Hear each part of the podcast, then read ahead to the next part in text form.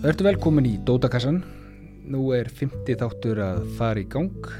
Ég ákvað að umfjöllunarefnið í dag er því mikið álag og hvað ég get gert til þess að takast á við mikið álag. Þetta er umræðefni sem margir kannast við og hafa upplefað á eiginskinni.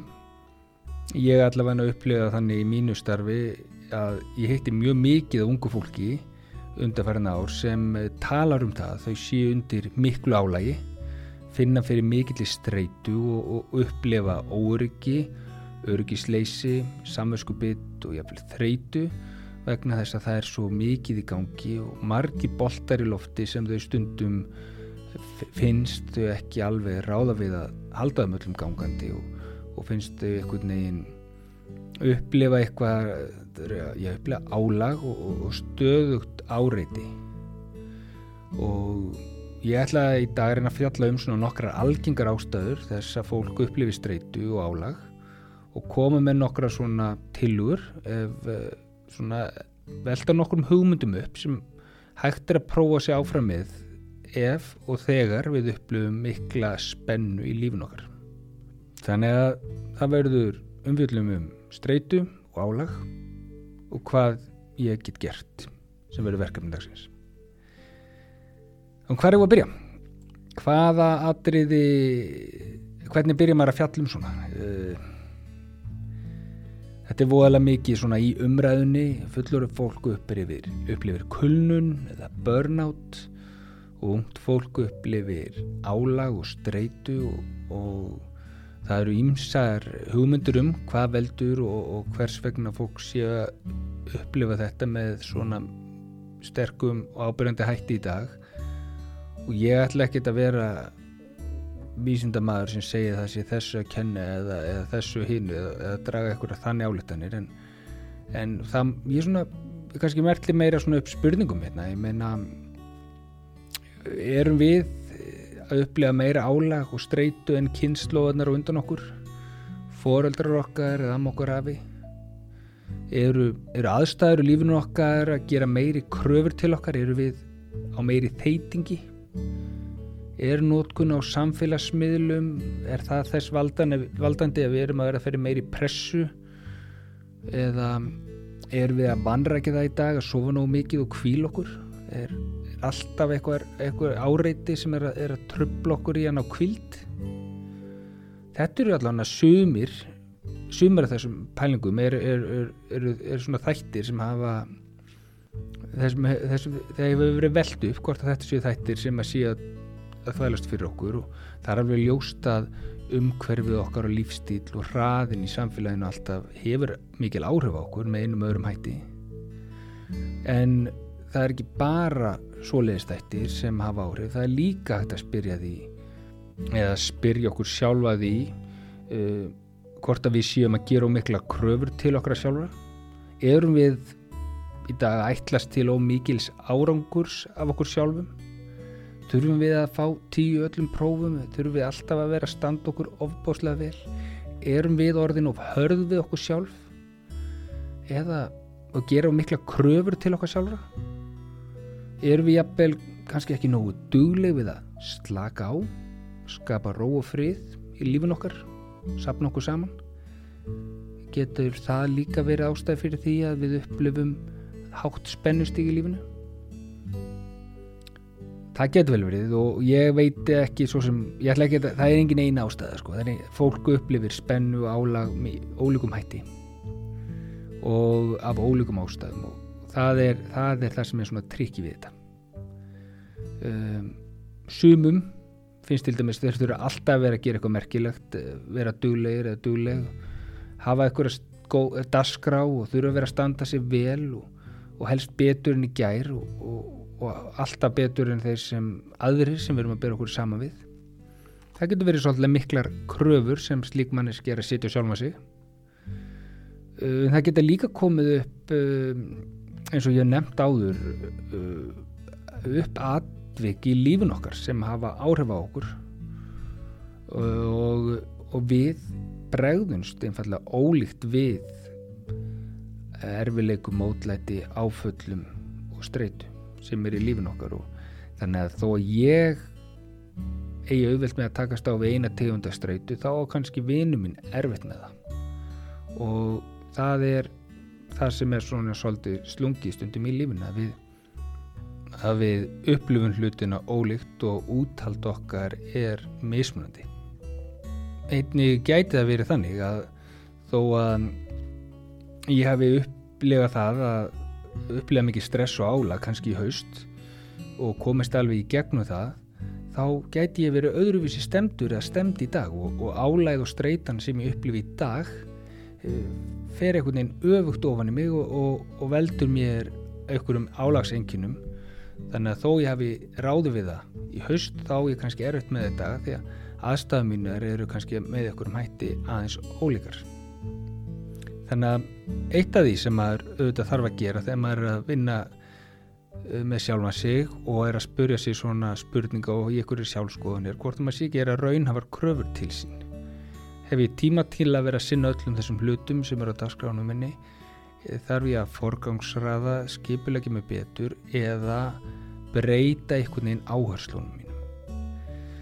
Koma að betur inn á þetta hérna rétt og eftir. Það sem ég er að reyna að leggja áslá er að það er að mörgu huga og við þurfum að hafa margar hluti í huga þegar við erum að átt okkur á því hvað er það raun sem veldur streytunu álæginu hjá okkur. Og að viðbröð okkar og nálgun okkar skiptir öllu máli ein leið til að skipta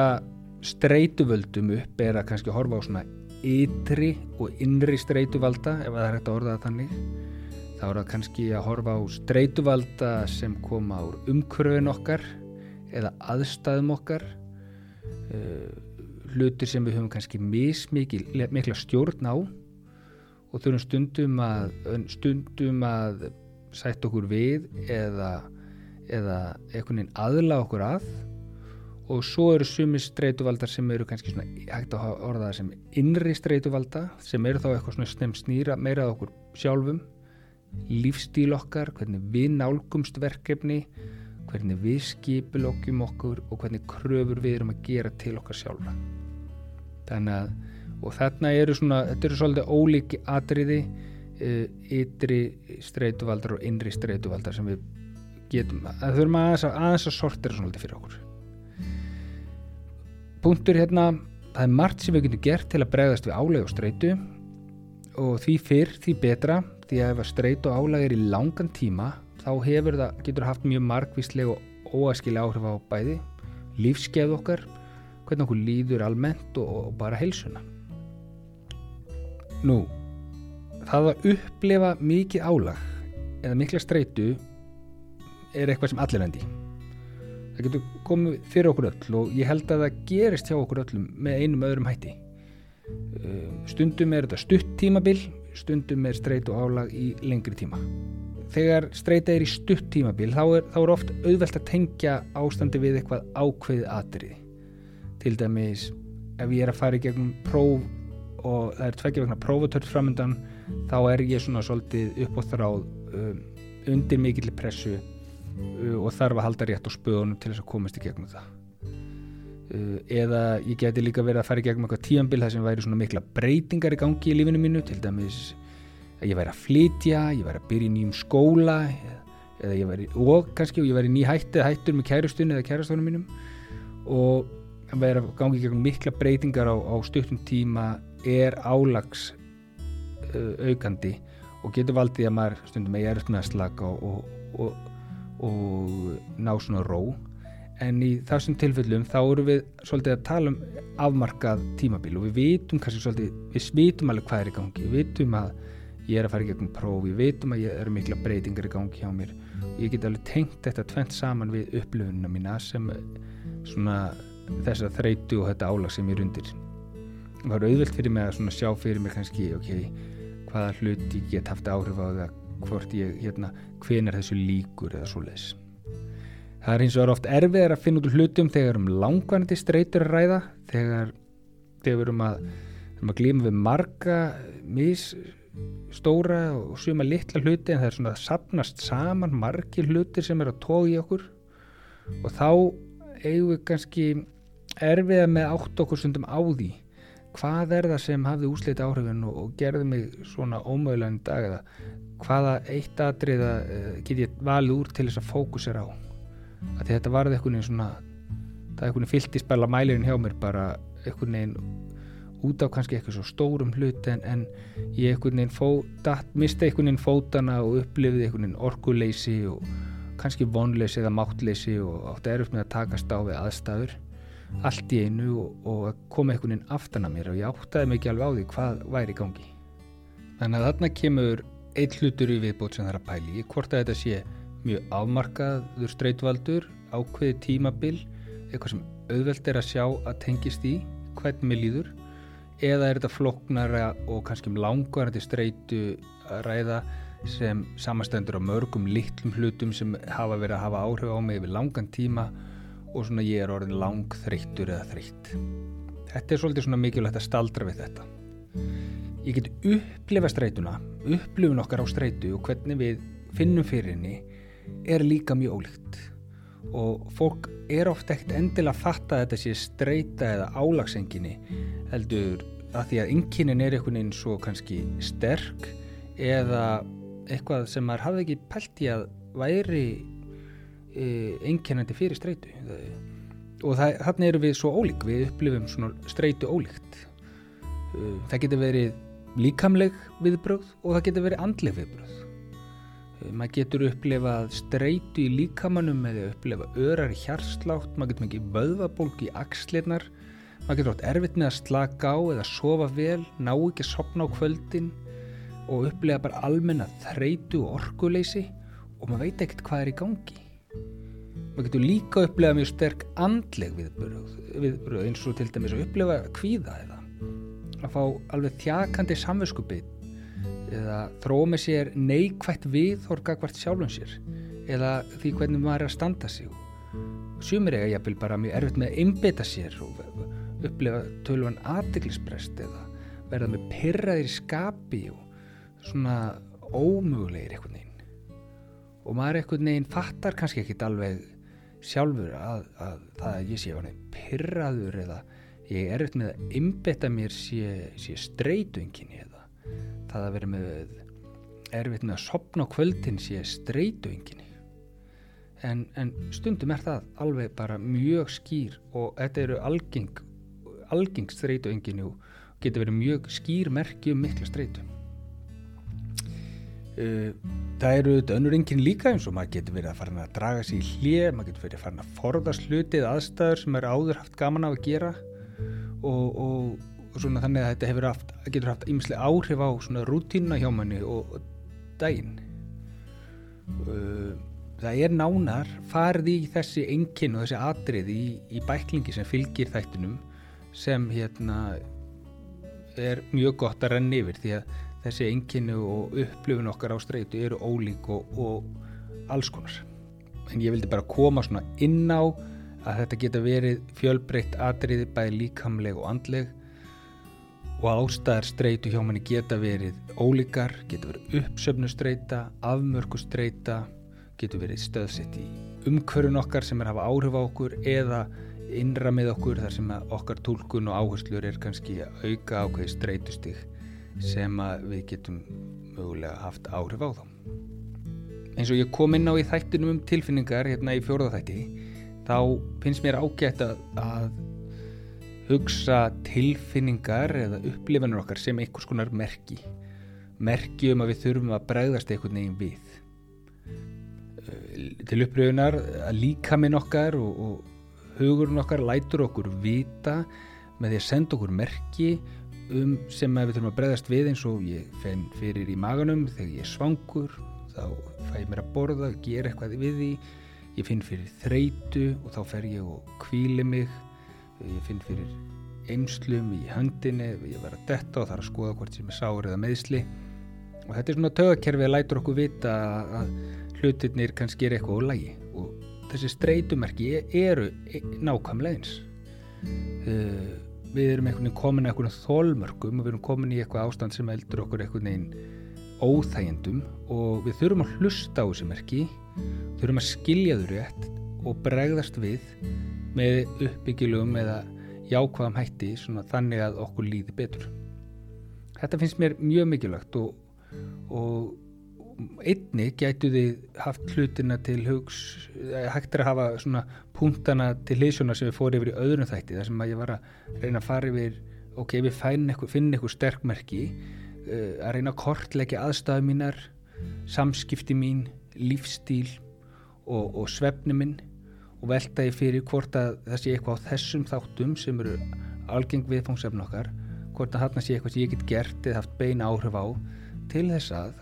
hafa beina áhrif á álægi mitt og aðstæða mínar og, og líða þannig betur. Þannig að rennið við í þátt nummer 2 ef, ef að þetta er eitthvað ennþá óskýrt. Ef ég er búin að þessu ég er búin að renna eins yfir uh, hlusta á merki mín og renna eins yfir aðstæðu mínar og kortleika svolítið uh, helstu punkta þá væri kannski líka hægt að spurja sig eftirfærandi spurninga. Eins og til dæmis er ég að gera ómikið, er ég að taka ómikið að mér, er ég ómörgum verkefnum, er ég með ómargar skuldbindingar sem ég kemst ekki yfir? Uh, mætti ég velta í framaldi hvaða hlutir eru það sem ég er að gera sem skipta mig mestu máli núna get ég forgangsraðað verkefnunum mínum með einhverjum hætti.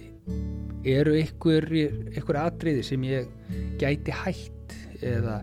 mingað eða eða frestað? Þannig að ég sé ekki alveg með allt uh, allt upp á borði hjá mig núna. Og, þur, og þannig að ég fækki aðeins viðfóngsefnunum uh, allan að tímabundið. Og svo get ég líka spurt hvort það sé einhverju hlutir sem ég er að díla við eða, eða sem ég er búin að taka með sem er að hafa neikvæð áhrif á mig er, er ég að gera einhverju hluti sem að mér líður ekki vel með? Er ég er erfitt ástandi á vinnustafnum er ég í einhverju félastarfi sem funkar er ekki alveg fyrir mig? Er ég um, já, er einhverju samskipti sem ég er í sem uh, gangi ekki alveg upp? Er ég ekki að sofa nógu vel? Veldur það mér þreitu og vanlegan og svo mætti ég líka auðvitað hafa í huga hvort að það sé einhverju hlutir í lífinu mínu og dasgránu mínu og í verkefnunum mínu sem er að hafa góð áhrif á mig sem ég vantar að sinna meira sem ég þarf að Eh, að gefa meiri aðtegli og fókusera meira á. Þetta eru svona nokkrir eh, punktar sem gott getur verið að hafa í huga. Smá saman með því að svona fara yfir, yfir landslægið og, og stöðunni á mér þannig er hægt að afmarka ykkur að streitu valda og álagspunkta byggja og búa til plan til þess að reyna að nálgast hlutinu öðruvísi. Ég er ekki að segja að þetta sé eitthvað, alveg bara eitthvað basic innfælt eða, eða þetta gerist bara boom bara á korteri en það þarf, við þurfum að breyta byrja eitthvað staðar og þó við getum ekki breytt öllum hlutunum á sama tíma þá er rosalega mikilvægt að átta sig á því hvaða hlutir er að hafa áhrif á mig hvaða hlutum vil ég breyta og reyna svona að byrja að stíga fyrstu skrefin í þá átta að hlusta á merki mín og fara að huga breytingum. Maður þarf að taka eitt skrif í einu og, og byrja í róliheitunum og þó að við jöfnum okkur ekki alveg á einum degi þetta er oft svolítið ferli að ná að jafna sig og ná að kvíla sig og ná aftur hjartengingu og, og svona góðu standi þá er mjög gott þegar við, við getum fundið strax eða mjög fljótlega þegar við erum að taka skrifir í ett átt við, og, og við finnum að það skiptir máli að vera að taka þau skref. Og ef þau eru ekki virka þá þurfum við að taka önnuskrif og, og þá að skoða þetta með úr annar átt eða eitthvað þess að þannig að e, þetta er svona ferli sem byggir á því svona svona prófa sig áfram reyna að útloka hluti, reyna að hugsa upp uppbyggilega hluti og reyna að vinda of þessu, ofan af þessu mikla álægi sem við höfum fundið okkur í. Stundu þarf maður að fá aðstofið að fá þessa yfirsýn og, og byrja þessa vinnu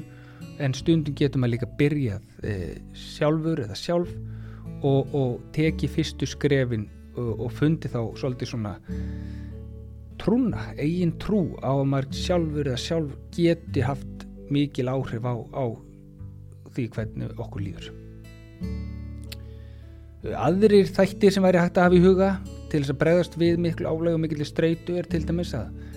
að hérna æf okkur í að slaka á ná rólegum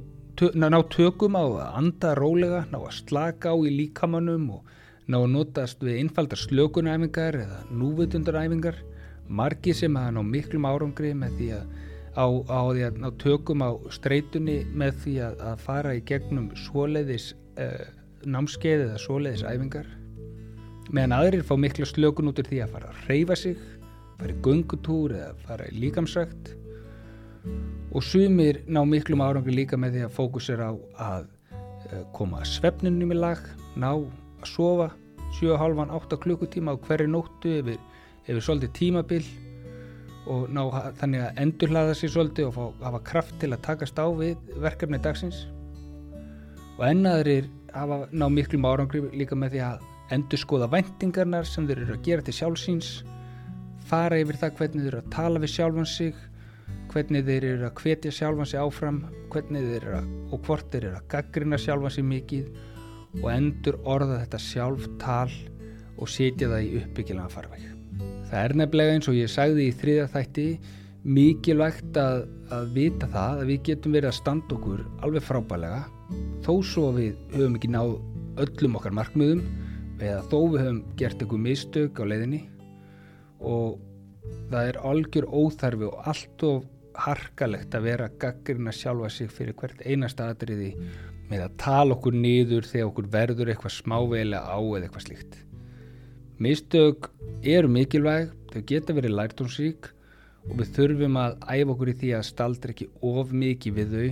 og láta þau ekki hafa of mikil áhrif á okkur. Þetta er búið að vera svolítið umfangsmikið og lengra en ég ætlaði að hafa í dag